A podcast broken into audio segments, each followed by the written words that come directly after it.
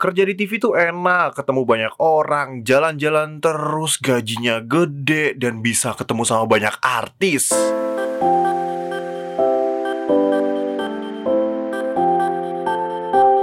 Selamat datang kembali di podcast Tukar Pikir by Ini Mas Habi. Kali ini aku ngebahas tentang pekerjaan yang kalian semua sudah pada tahu Atau mungkin kalian sendiri juga pelaku pekerja yang ada di bidang ini gitu. Jadi aku akan ngebahas tentang pekerjaan yang ada di dunia pertelevisian atau broadcasting Terutamanya di penyiarnya. Kok penyiar sih? Kalau penyiar radio ya. Berarti pembawa acaranya, pembawa beritanya Atau siapa pun yang tampil depan kamera Dulu aku sedikit cerita pernah uh, bercita-cita ingin jadi news anchor atau membawa berita di TV dan sempat di tahun 2012 aku uh, masuk ke salah satu TV nasional. Itu udah sampai di tahap uh, tes tes tulis, psikotes, bahkan sampai ke yang wawancara yang untuk uh, apa namanya nego gaji gitu. Tapi akhirnya ya tidak berjodoh. Mau gimana? Ya udah. Tapi akhirnya aku coba bikin ala-ala news anchor gitu di YouTube aku pernah di tahun 2017 gitu. Nah sekarang aku mau nanya langsung ke pelakunya nih. Jadi aku ada temen namanya Maya Rahma. Aku kenal sama dia itu di acara YouTube Creator for Change tahun lalu 2018 dan dia itu bekerja di salah satu TV nasional yang sudah kalian tahu pasti itu TV apa. Nah, aku juga bakal ngebahas sama dia tentang memang benar ya yang tadi aku bilang itu uh, apa namanya menyenangkan dan lain sebagainya itu memang benar-benar realitanya terjadi seperti itu atau enggak ya kira-kira? Langsung kita tanya aja yuk ke Maya Rahma. Halo Mbak Maya. Hai. Apa kabar Mbak Maya? Baik, alhamdulillah. Apa kabar Mas? Alhamdulillah sehat. Udah sampai rumah? Udah, udah. Udah ya. Nah, Mbak aku uh, ini nih Maya, aku mau nanya nih, apa namanya soal pekerjaan di dunia pertelevisian atau di broadcasting, terutama yang di depan kamera. Kalau kamu sendiri uh, sekarang ini boleh nyebut merek nggak sih TV-nya di mana? Ya boleh aja, kenapa enggak? Oke, okay. sekalian promosi ya. iya. uh, kamu sekarang di mana nih, uh, Maya? Aku kerja sebagai news producer Ha-ha. di Liputan CTV. Liputan nama CTV di Senayan ya. Mm-mm, betul. Sebelumnya di mana? Atau memang dari awal di situ? Enggak, jadi uh, dulu itu waktu aku masih kuliah sempat siaran jadi presenter di TV lokal di daerah Mm-mm. Bogor, namanya Mega Suara TV. Mega Suara Setelah TV. Iya, Mega Suara TV. Nah, Mm. setelah lulus eh, kerja sebagai reporter, news reporter di TV One selama lima tahun. Hmm, oke oke. Abis, itu dapat kesempatan beasiswa ke luar negeri gitu, eh, ke Inggris, ha-ha, belajar tentang media. mm-mm. Baru setelah pulang, eh, diajak gabung sama SCTV. Sekarang udah dua tahunan lah Oh. di SCTV. Jadi produser sekarang. Wah, berarti udah nggak ke lapangan lagi nih atau gimana? Eh, iya jarang-jarang sih ke lapangannya. Tapi kalau Hmm. misalnya ada event-event besar atau liputan-liputan undangan ke luar negeri gitu ya. Wah, kece. Maya, Maya, tapi kamu itu dulu eh, sekolahnya memang sekolah broadcasting gitu atau apa nih jurusannya? Sih. Eh, jadi sebenarnya agak complicated. Dulu tuh aku memang udah tertarik dari dulu ya dengan Hmm. dunia pertelevisian sebenarnya dari SMA itu. Ha-ha. Cuman kuliahnya pada saat itu aku ikutan yang seleksi rapot gitu deh kayak Oh, eh, apa namanya best of the best student di SMA itu Ha. dimasukin seleksi rapot ke IPB diterimalah tapi jurusannya animal science ilmu produksi dan teknologi peternakan oke.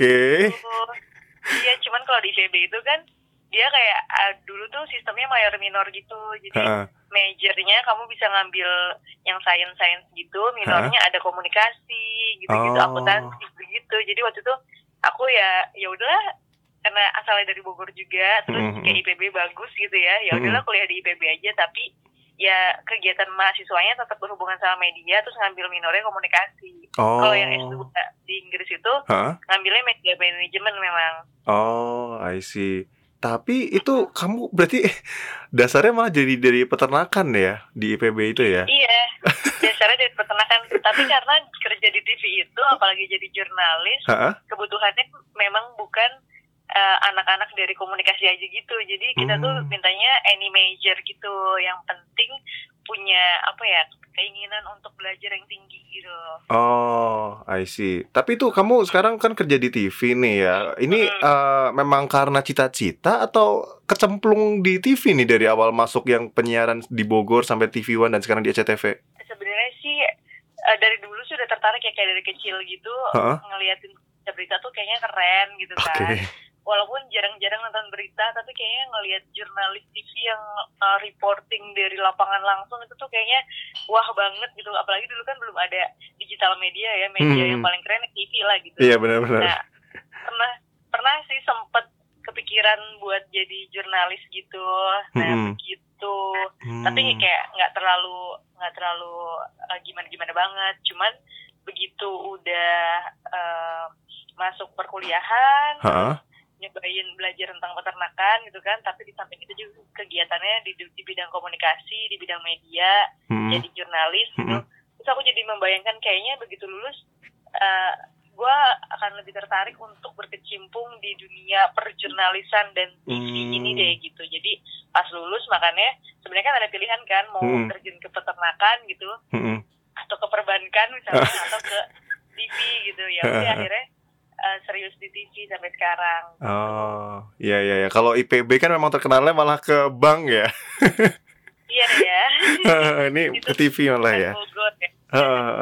Nah, itu kamu jam kerjanya gimana sih kalau TV? Karena aku pernah, ya aku juga uh, waktu pas zaman masih kecil juga ngeliat kayaknya wah TV keren gitu. Cuman kayaknya pas lagi kita lebaran malah mereka kok malah siaran, malah keliling ke mana ngabarin tentang mudik segala macam. Soal jam kerja gimana sih, Mai? Ya, soal jam itulah ya. Maksudnya setiap pekerjaan aku yakin itu tuh ada plus minusnya gitu loh. Mm-mm. jadi mungkin salah satu cobaan gitu dalam dalam tugas kita sebagai jurnalis adalah ya eh, waktu kerja. Jadi kita tuh benar-benar nggak mengenal libur nasional.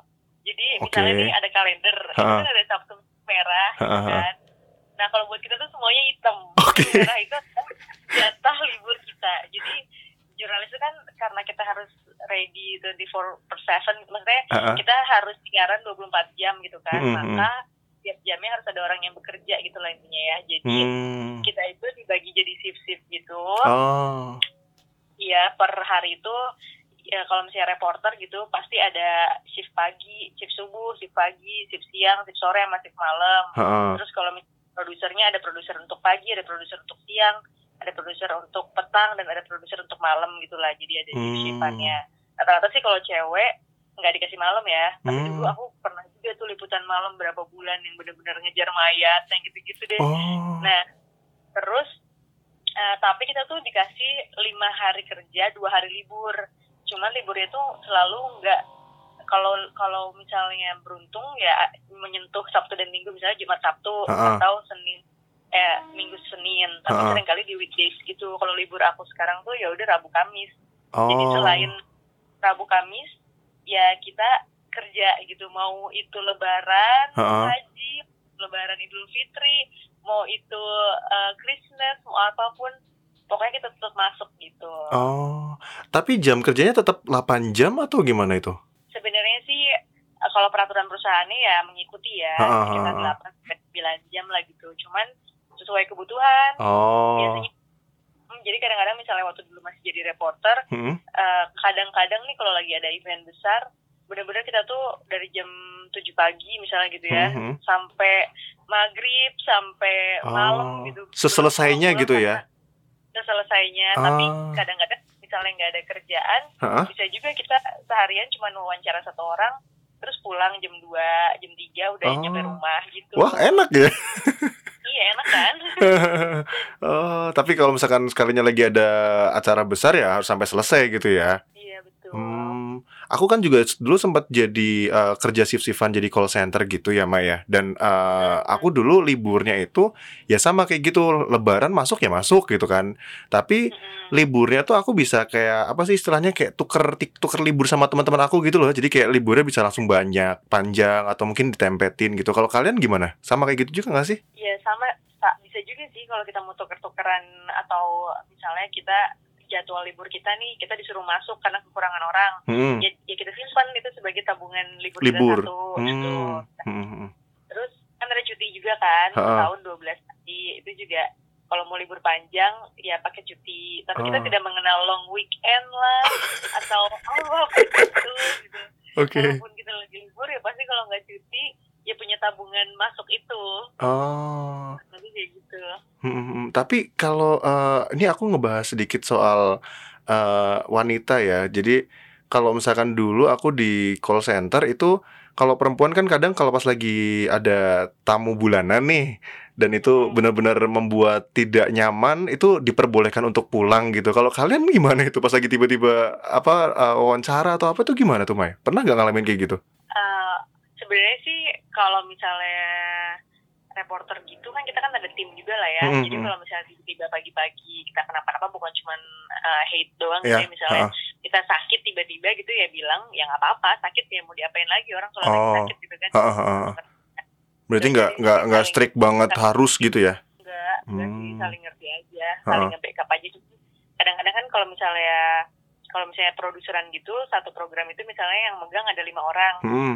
Setiap hari. Kalau misalnya satu orang aja sakit itu bakalan uh, ibaratnya jomplang ya bakalan mengganggu keseimbangan gitu lah pekerjaan gitu jadi yang lainnya jadi kerja lebih banyak gitu kan hmm, tapi hmm. ya udah kalau misalnya memang yang satunya sakit mau gimana lagi berarti saling backup aja gitu. hmm. Ya ya ya.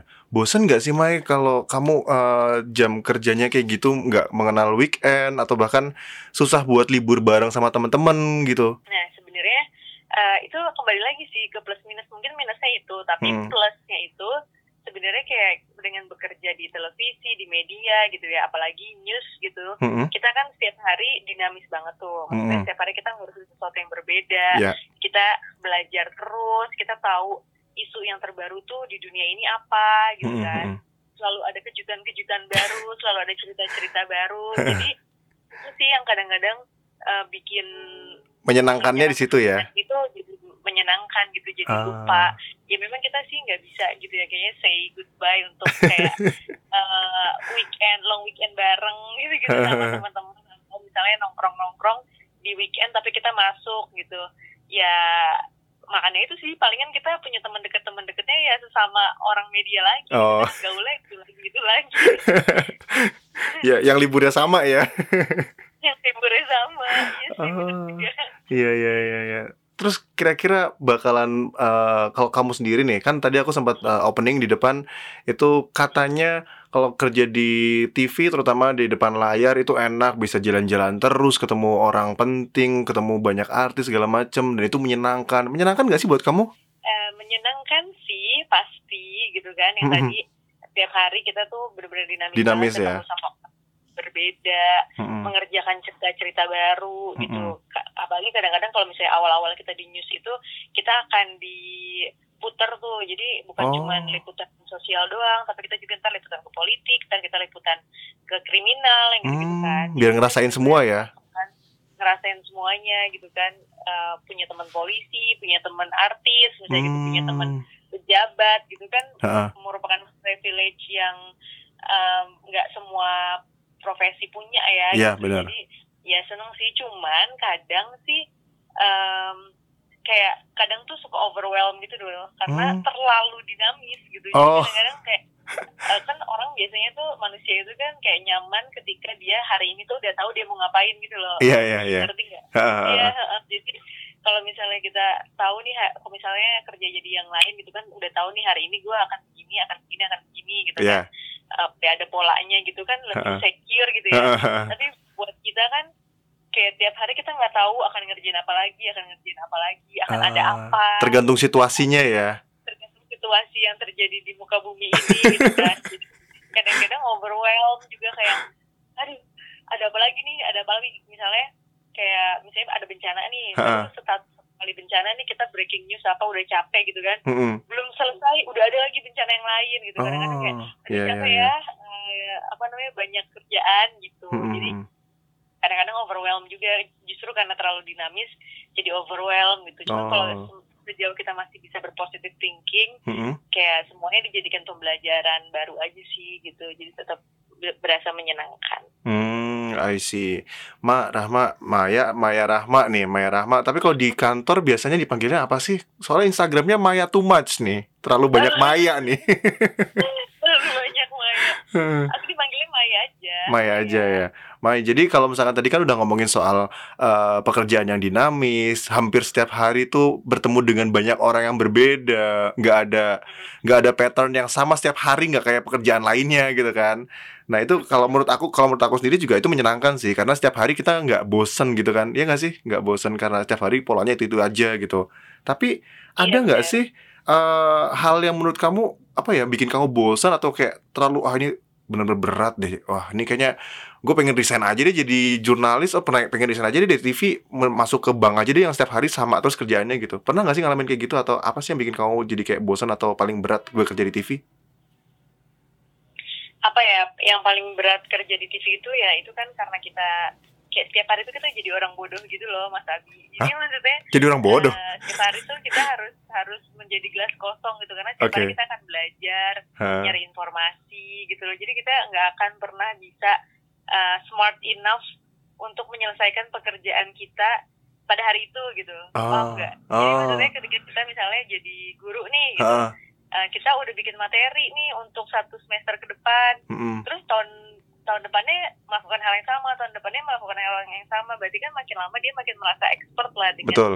apa yang dia ajarin. Kalau kita kan nggak misalnya hari ini liputan tentang eh, isu sosial nih. Misalnya harga cabai ganjil genap atau apa gitu ya. Mm-mm. nah nanti besoknya kita tiba-tiba dimasukin ke des politik gitu. Di des politik kan kita harus pengenalan lagi. Mm-mm. kita harus em, hafalin anggota-anggota DPR, tahu karakternya seperti apa, dia ke parpol mana, Oh. eh, dia ngedukung siapa, itu kan pembelajaran baru lagi. Heeh, Terus heeh. nanti habis itu diputar lagi ke dunia kecantikan, gitu kita harus kenal artis gitu-gitu. Itu tuh kadang-kadang bikin ini sih kayak ya tadi aku bilang itu overwhelm itu dan Iya. kayak aduh kayaknya eh, capek deh kayak gini terus kadang-kadang kayak gitu sih cuman eh, dan udah gitu nggak nggak punya libur nggak nggak punya jatah weekend itu kan berasa kayak gue rugi banget ya orang punya long weekend setiap tahun misalnya 10 gitu ya. Aku nggak punya sama sekali gitu. Kadang-kadang merasa ruginya di situ sih. Terus kalau Eh. misalnya lebaran lebaran masih harus masuk gitu. Sebenarnya sih suasananya tetap happy ya karena Iya. kan uh, teman-teman yang lain juga masuk terus kan ya karena mereka rekan kerja kita juga udah dianggap keluarga juga kan jadi Mm-mm. ya udahlah lebaran bareng-bareng di kantor gitu tapi tetap aja uh, bisa apa nggak bisa datang ke uh, acara keluarga kan gitu. Iya. apalagi kalau misalnya kita keluar kota mudik apa dapat kebagian tim mudik uh, di Nagrek lah atau di Mm-mm. Pantura gitu kan itu bener-bener dari awal dari 10 hari sebelum lebaran sampai 10 hari sesudah lebaran itu kita di lapangan di ya sana gitu Jadi, eh, di lapangan 20 hari gitu jadi kita berangkat sebelum ada suasana lebaran pas pulang pun kue-kue semuanya udah pada habis gitu jadi udah nggak ada sama sekali suasana lebarannya kadang-kadang suka kesel sih oke eh, dengan kondisi-kondisi seperti itu kayak Heeh. eh gitu kan. kayaknya mendingan kerjaan yang biasa aja deh yang Heeh. custom gitu yang Heeh. bisa yang bisa libur gitu Hmm, cuman sih kan disiasatinya mungkin sama atasannya kalau misalnya tahun lalu dia udah tugas Gantian ya? jangan gitu heeh. hmm. jadi ya kayak gitu kayak gitu sih kadang-kadang yang bikin apa namanya eh, lelah gitu jadi TV sabar ya Maya aku juga pernah ngerasain kok. Iya sih, heeh. ya itu kalau yang pas Lebaran emang eh, gimana ya, ya sedih sih emang sih. Aku juga pernah ngalamin pas takbiran aku lagi kerja tuh, aduh sedih banget itu, nggak bisa pulang kampung Kan, gitu. bisa ngerasain masakan mama. Aduh udah dong, jadi jangan jadi bikin sedih nih. Oke, nah Maya, tapi kalau misalkan di pekerjaan di TV di sebuah televisi itu kan nggak cuma jurnalis dan kameramen. Ada nggak sih pekerjaan di televisi di SCTV misalkan yang pekerjaannya tuh ya bener-bener jam kerjanya jam 9 sampai jam 5 gitu. Ada nggak sih? Oh ada, jadi kan kalau kita tuh perusahaannya eh, apa SCM Surya Citra Media kan, Mm-mm. pasti kita punya divisi eh, entertainment itu yang Hmm. ngurusin eh, sinetron-sinetron, STV dan lain sebagainya lah ya, production entertainment gitu. Ya. Nah itu eh, yang kerjanya juga berantakan lah gitu ya. Heeh. Eh, waktunya sama kayak orang news, ada divisi news juga, tapi kan ada divisi HRD, Oh. ada PR, Mm-mm. itu ada Korsek, Mm-mm. corporate secretary, corporate secretary itu kan mereka seperti biasa Oh. uh, ininya waktunya. Mm-mm. Berangkatnya kayak kantoran biasa Senin sampai Jumat 9 sampai 5 gitu ya.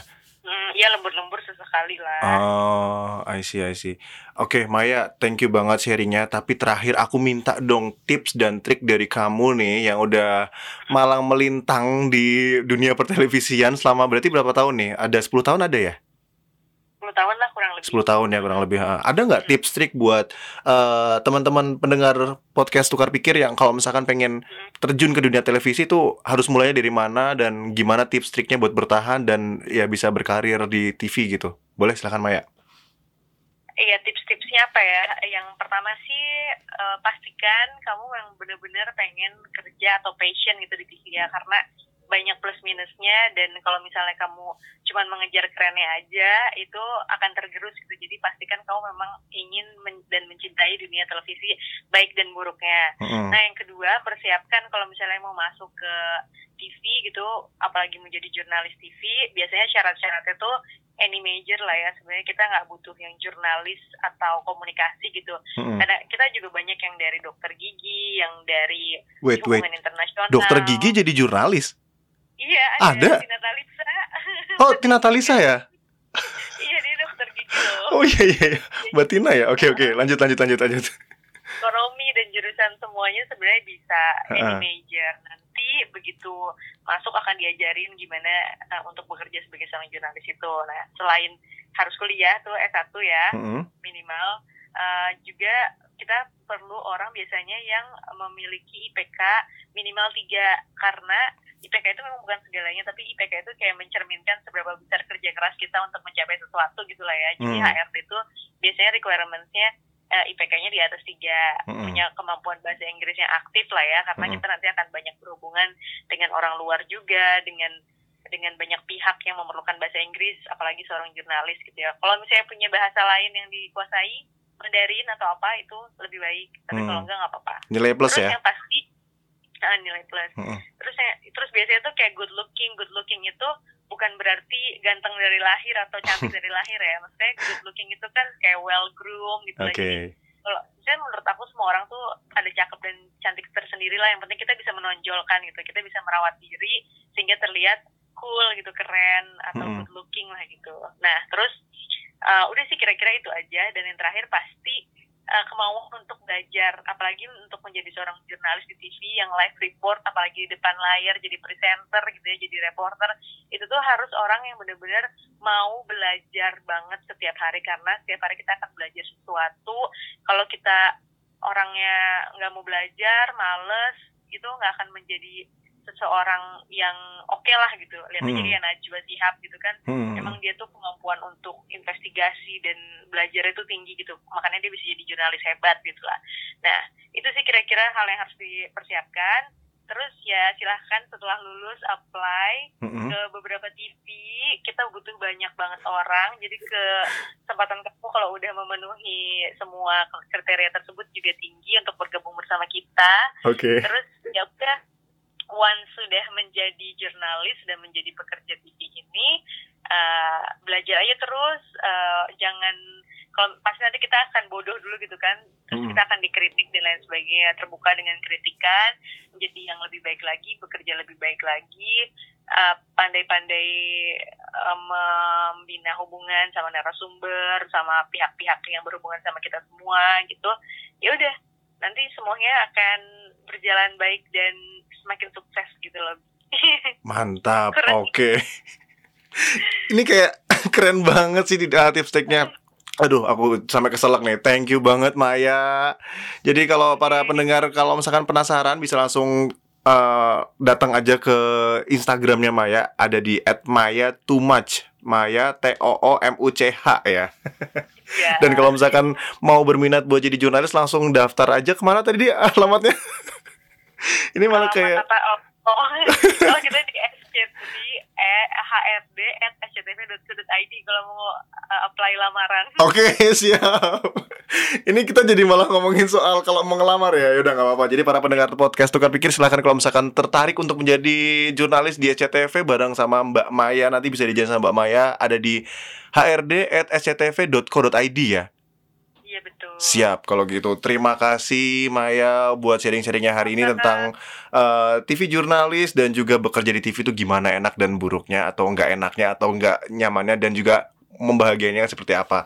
Thank you Maya waktunya. Selamat istirahat. Udah malam banget nih kayaknya kita ngobrolnya. Siap, siap. Makasih banyak juga. Siap. Thank you Maya. Dadah. Yo, bye. Nah, itu dia para pendengar. Jadi kalau misalkan udah kita memang passion di dunia apa ya? Tadi dibilangnya broadcasting atau TV ya? Ya pokoknya bekerja di TV lah, entah eh, apa pun background pendidikan kalian, kayak Mbak Tina Talisa pun juga dokter gigi ya. Aku baru ingat juga. Tapi dia bisa sukses gitu jadi jurnalis dan TV apa news anchor, pembawa acara dan lain sebagainya. Dan si Maya tadi barusan juga ternyata lulusan IPB peternakan gitu. Jadi masalah S1 kalian itu jurusannya apa? Asalkan memang kalian punya passion, good looking yang tadi kata si Maya bilang, eh, ya nggak mesti harus cantik yang eh, cantik ganteng bawaan dari lahir, tapi bisa groomingnya bagus segala macam. Coba aja daftar, apalagi kalau misalkan kalian bahasa Inggrisnya lancar gitu kan, aktif dan punya bahasa asing lain yang mungkin kalian kuasain dan memang passion di dunia per televisian atau per apa sih bilangnya ya? Per televisian ya kali ya? Ya per televisian silahkan daftar. Dan itu dia tadi sharing-sharingnya tentang enak gak enaknya bekerja di TV jadi ya mungkin apa ya? Kalau menurut aku sendiri ya aku sempat ngalamin bekerja sebagai shifting itu berapa tahun ya? Satu dua tiga empat. Empat tahun. Ya empat setengah tahun lah aku bekerja shifting. Itu memang rasanya beban sih awalnya. Karena ketika kita libur teman-teman kita teman-teman yang aku maksud adalah teman-teman kampus kita atau mungkin teman-teman sekolah kita yang bekerjanya tuh Senin sampai Jumat Sabtu Minggu libur itu mereka libur kita harus masuk gitu. Apalagi pas lagi jam-jamnya yang memang harusnya libur kayak tanggal merah atau mungkin eh, apa libur lebaran atau libur nasional lain kita harus masuk. Tuh rasanya tuh aku waktu itu eh stres banget. Tapi karena memang menikmati dan di kantor pun banyak banget apa ya eh, teman yang senasib ya itu akhirnya terbiasa dan akhirnya ya ya menikmati juga. Apalagi karena kita juga menikmati pekerjaan yang kita jalanin. Tapi ya baik lagi ke kalian sendiri. Kalau misalnya memang kalian gak nyaman ya udah tinggalin aja nggak apa-apa. Karena hidup kan kalian sendiri yang tentukan kan? Nyaman gaknya itu tergantung kalian eh, definisinya gimana. Karena setiap orang kan masing-masing beda. Cuman ya yang penting paling penting itu adalah kalau menurut aku eh, apa ya perlu nanamin di pikiran kita bahwa nggak akan ada berubah nasib suatu kaum kalau bukan kaum itu sendiri yang rubahnya jadi ya kalau bukan kita yang rubah nasib kita sendiri ya siapa lagi gitu kan jadi kalau misalkan memang kalian mau nyoba buat masuk ke dunia pertelevisian sebagai news anchor, jurnalis atau mungkin reporter atau apa pun istilahnya, produser segala macam, ya cintain dulu dari awal memang kalian suka dengan pekerjaan itu dan mau belajar dan mau tekun bekerja keras dan sebagainya pasti ya bisa sukses kok. Ya, Oke, kalau gitu sekian untuk tukar pikir hari ini bersama dengan Maya Rahma atau Instagramnya @maya_too_much. Kembali lagi ke podcast tukar pikir kita di besok bahas tentang apa ya? Hmm, nanti tunggu aja, ikutin terus aja podcast tukar pikir by ini Mas Abi. And as always, stay focus, positive, and humble. Terima kasih sudah mendengarkan podcast Tukar Pikir. Bye!